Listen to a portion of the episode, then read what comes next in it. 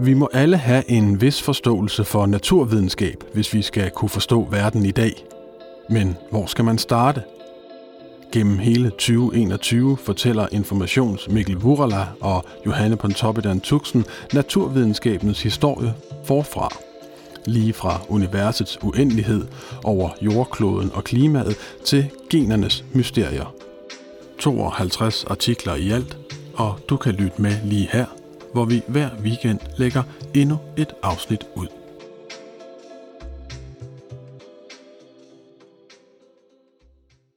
De har snart stået der en måned, og det er ved at blive koldt.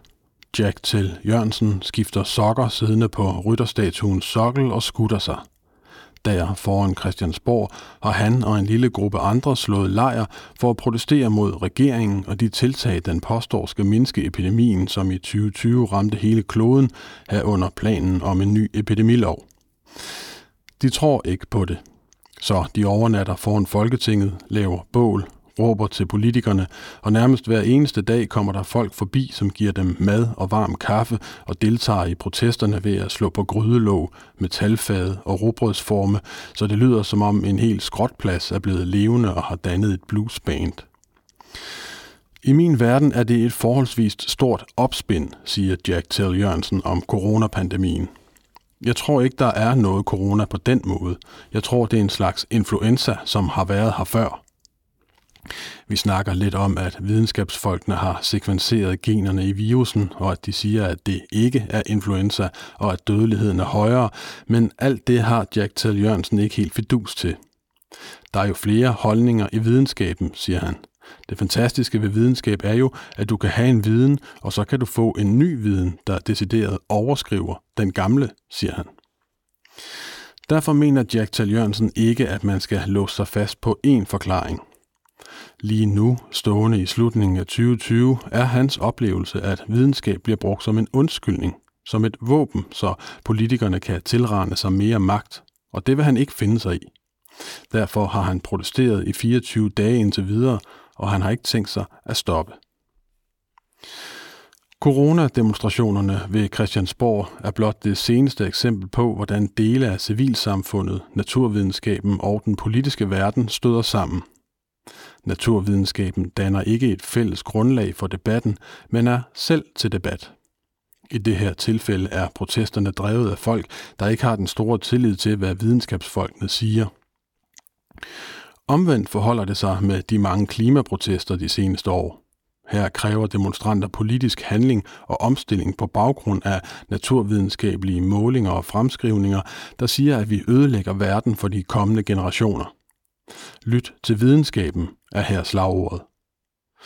Udover coronakrise og klimakrise kunne man også nævne biodiversitetskrisen, hvor mennesket udrydder dyreliv og hele arter i et foruroligende tempo som et tredje sammenstød, der er med til at slå fast, at naturen i disse år banker temmelig insisterende på til vores liv, vores samfund og vores hverdag.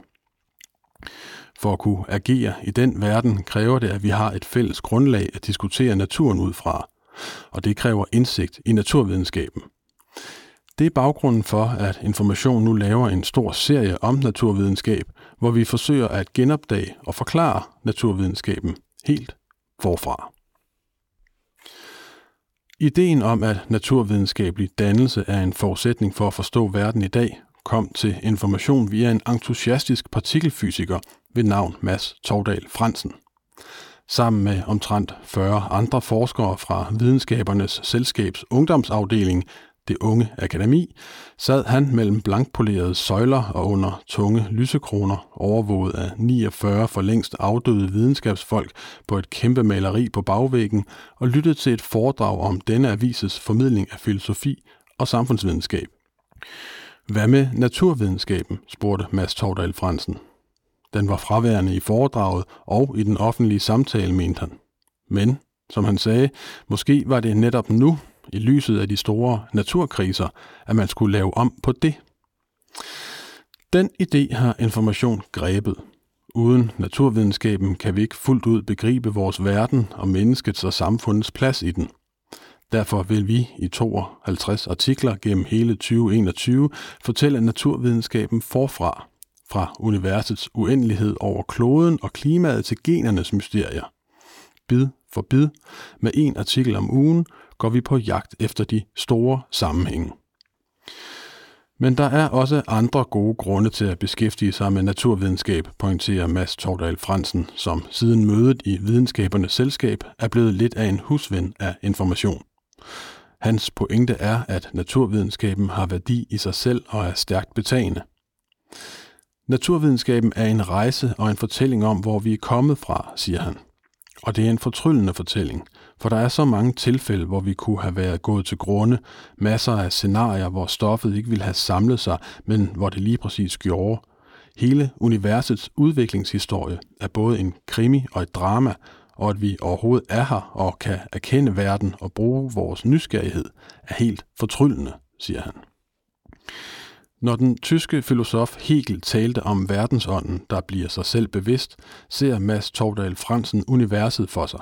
Han ser Big Bang, hvor partikler slynges ud, samler sig i atomer, samler sig i molekyler, skyer, sfærer, galakser, stjernesystemer og kloder. Han ser jorden, den tredje planet fra solen, hvor livet opstår. Evolutionen udfolder sig.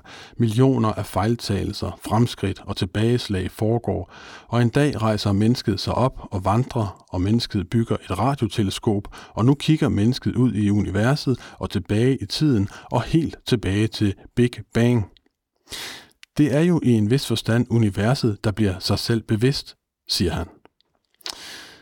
Det er også sådan, det hele begynder. Mennesket ser på verden og forundres. Vi kalder vores art for Homo sapiens, det vidende menneske, og det er ikke bare selvros. Når den danske videnskabshistoriker og professor emeritus Helge Krav skal starte forfra, går han tilbage til stenalderen, 8-10.000 år tilbage, for herfra findes overbevisende vidnesbyrd om, at stenaldermennesket var interesseret i både matematik og astronomi. Det er helt sikkert, at disse meget primitive mennesker grublede over verden, og hvorfor den er, som den er, og særligt hvorfor himlen er, som den er. Uanset hvor langt man går tilbage, kan man spore den drift, forklarer han. Det ligger simpelthen til os. Den elementære nysgerrighed er et træk, som evolutionen har bygget ind i mennesket, og så er den altså den første og helt afgørende komponent i udviklingen af naturvidenskaben. Det er bare ikke det eneste, der skal til, før man for alvor kan begynde at tale om videnskab. Hvad der menes med det, kan man forstå ved at se på de store historiske flodkulturer, det mægtige Mesopotamien og Ægypten. De havde udviklet avancerede talsystemer og matematik og kortlagt stjernehimlen minutiøst allerede 3-4.000 år før Kristi fødsel – og for at kunne bygge pyramiderne skulle de have styr på geometrien, kende stenblokkene, som skulle udskæres, og udtænke meget avancerede systemer til transport, hvilket igen krævede avanceret problemløsning og abstrakt tænkning. Men det var en måde at udvikle viden på med et bestemt formål, siger Helge Krav. Og når man fik opfyldt sit formål, var man tilfreds. Lidt fragt kunne man sige, at viden skulle kunne omsættes til værdi, og dermed at det berygtede slogan fra forskning til faktura nærmest lige så godt kunne have været sagt af den mægtige farao Keops, som er den ret upopulære danske videnskabsminister Helge Sander, der i nullerne lancerede netop det slagord. Ægypternes frembragte viden fejlede ingenting, men der manglede noget for at det kunne blive videnskab. De havde ikke nogen teori, siger Helle Krav. De beskrev, hvordan verden var, men de spurgte ikke om årsagen til den. Det er årsagen til, at de fleste peger på den store græske kultur omkring 400 år før Kristi fødsel som det store paradigmeskifte, når de skal oprise naturvidenskabens fødsel. Antikkens Grækenland var et overskudssamfund i den forstand, at man havde råd til, at en lille gruppe mennesker kunne blive fritaget fra fysisk arbejde og i stedet ernære sig som filosofer, og derfor rendte mænd med navne som Platon og Aristoteles og Pythagoras og Archimedes rundt med krøllet skæg og store armbevægelser og kom med det ene dristige bud på verdens sammenhæng efter det andet. Og koblingen mellem teoretisk spekulation på den ene side og empiriske iagttagelser på den anden er hele essensen i naturvidenskaben, dengang som nu. Det handler ikke bare om at beskrive naturen, men om at forsøge at forstå den, opsummerer Helge Krav. Sådan kunne en marker som øh, matematikeren Euklid bevise, at vinkelsummen i enhver trekant er 180 grader, uden at man som sådan skulle bruge det til andet end at vise, at noget under visse omstændigheder er sandt. Og det er en græsk specialitet, siger Hellekrav. En udregnede jordens omkreds ret præcist, og en anden fremlagde den dristige teori, at alting består af atomer. Ordet kommer af atomos, som betyder udelelig, og lige det var måske mere held end forstand, men det ændrer ikke på, at naturvidenskabens taburet efter grækernes mellemkomst nu stod på to ben. Undersøgelse af verden og teorier om den. Det tredje ben blev tilføjet omkring år 1600, hvor den såkaldte naturvidenskabelige revolution fandt sted. Hvor grækerne havde en idé om, at ting er, som de er, opstod nu en idé om, at man kunne underlægge sig naturen – at man kunne genskabe den, dissekere den, manipulere den, forklarer Helge Krav. Og det er hemmeligheden bag det næste store spring. I bagspejlet kan vi se, at det, som grækerne manglede, var eksperimentet, siger Helge Krav. Nok opnåede de fantastiske resultater inden for matematik og astronomi, men det er først omkring den naturvidenskabelige revolution, at der for alvor kom boller på suppen, som Helge Krav siger. Det var et virkelig enormt paradigmeskift. For man erkender, at sand viden om naturen kun er sand, hvis den kan testes i form af eksperimenter, siger han. På Christiansborg Slotsplads har demonstranterne også forsøgt sig med lidt eksperimenter. For eksempel var det regnvejr på et tidspunkt, men så dannede de en cirkel rundt om et bål, og det var som om den opstigende varme fik regnvejret til at gå væk, fortæller Jack Tell Jørgensen og peger op. Det var i hvert fald den observation, jeg gjorde, og det kan jeg jo så kalde videnskab, hvis jeg vil, siger han. Ret hurtigt erkender han dog, at det nok ikke er så videnskabeligt, at det gør noget. Vi taler lidt om koblingen mellem videnskab og politik, at mange ser det som om videnskaben skal redde os. I første omgang med en vaccine mod covid-19, men den køber han ikke helt. Jeg tror ikke på dem. Jeg tror, at det kan gøre lige så meget skade, som det gavner, siger han om vaccinen. Selvom han altså gerne vil afvise visse resultater, synes han generelt, at naturvidenskab er fint. Det er heldigt nok, for den er svær at undslippe. Måske er det at spænde buen for hårdt at sige, at naturvidenskaben gennemsyrer alting, men det er tæt på den naturvidenskabelige modus operandi, troen på rationelle argumenter og sund fornuft og ideen om, at kritisk diskussion er nødvendig for at pille ned, hvad ikke længere kan stå, og derved bevæge os fremad, er vævet ind i vores kultur. Sproget er også et eksempel. En elev, der tager et pludseligt skridt i sin udvikling, tager et kvantespring, og nu er han måske endda en, man skal regne med – og når vi taler om, at noget skal have en vis kritisk masse for at fungere, bruger vi en metafor, der, som den norske professor Svein Sjøberg har bemærket, er taget fra udviklingen af atombomben. Siden den naturvidenskabelige revolution er videnskaben vandret videre.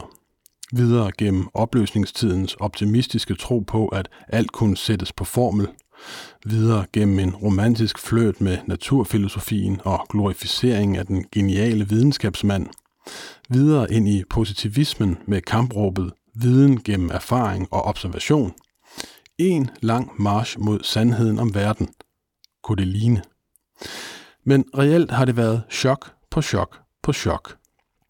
Ideen om, at videnskabsmanden går ind i laboratoriet og finder sandheden med stort S, er forkert.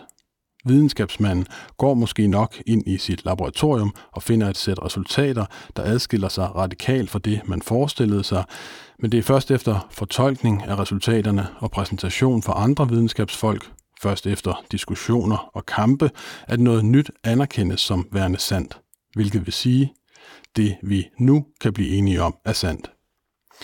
Og når videnskaben har taget en af sine store ture, har selve grundsynet på verden og mennesket skælvet.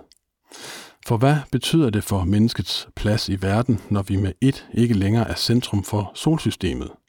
At solsystemet blot er et blandt milliarder af andre? Eller at vi deler fælles forfader med aberne og ikke er skabt i Guds billede til at regere over alt andet? Her kommer vores entusiastiske partikelfysiker Mads Tordal Fransen på banen igen. For ifølge ham befinder vi os netop nu på grænsen til endnu en af de helt store revolutioner. Eller som han siger, Videnskaben er i en fuldstændig vild situation.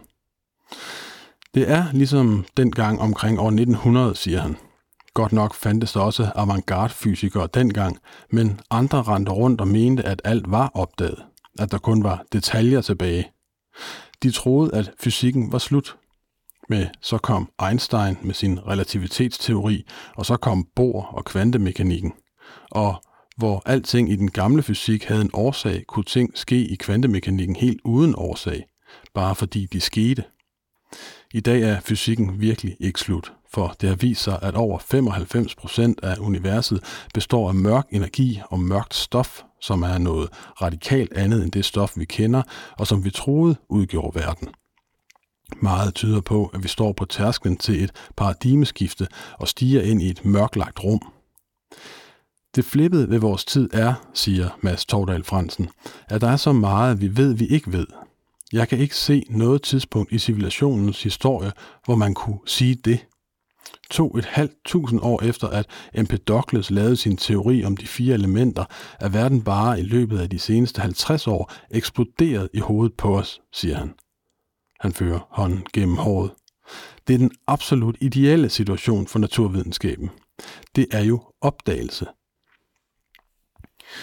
Over på Christiansborgs slotsplads er demonstranterne parate til at få verden rystet. Det er sådan set hele formålet. Jeg ønsker en revolution, hvis jeg skal sige det kort, siger Jack Tal Jørgensen. Revolution, altså kærlighed, ikke? Når man spørger ham, hvad der kunne overbevise ham om, at ansigtsmasker for eksempel bremser smittespredning, kommer han med et eksempel. Han har arbejdet som nedriver, og der giver det mening at have maske på. Glemmer du at tage masken, så får du virkelig dårlige tænder. Så har du støv i hele kæften. Men her, jeg kender dårligt nogen, som har haft corona. Et par stykker måske, og det er ikke engang værre end en mandeinfluenza, siger de. Jack Tell Jørgensen har en marker, der hedder Nils, som også er en del af demonstrationen og som overnatter under en præsending på Slotspladsen. Han er sikker på, at videnskaben om corona er fake, og han tror overhovedet ikke på, at testene virker. Man kunne lige så godt give folk et stykke ananas og sige, at hvis det sviger i munden, så har man corona. Det er lige så åndssvagt, som han siger. Hvis nu han kendte nogen, der var døde, eller kunne se et katastrofescenarie omkring sig, så vil han være tilbøjelig til at tro, at sygdommen var farlig. Men det kan hverken han eller Jack Tell Jørgensen se. Og her støder vi ind i et af videnskabens hverdagsproblemer i mødet med offentligheden, nemlig at det enten kræver et ret højt niveau af indsigt, eller i det mindste et vist mål af tillid, hvis man skal acceptere realiteter, som man ikke selv kan sanse.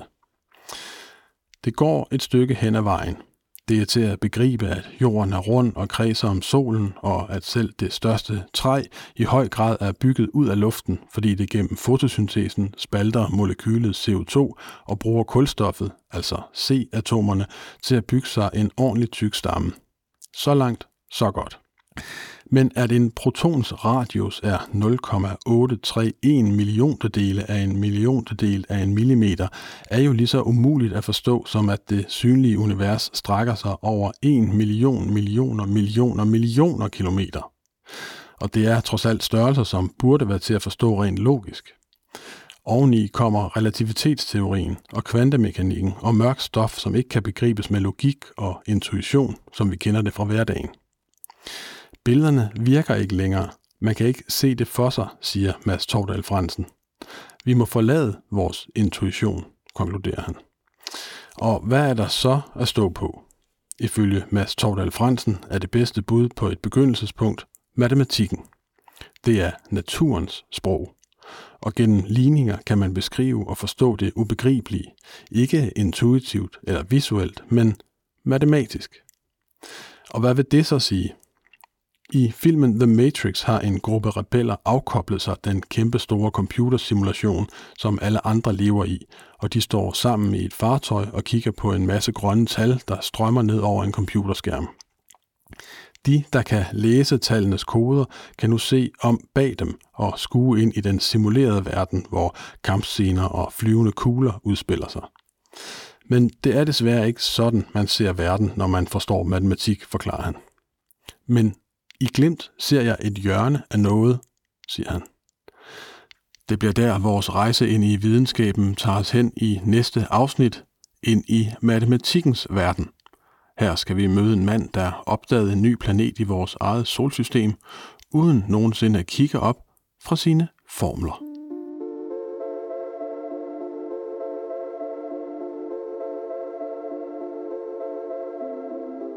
Det var kapitel 1 i vores nye naturvidenskabelige serie.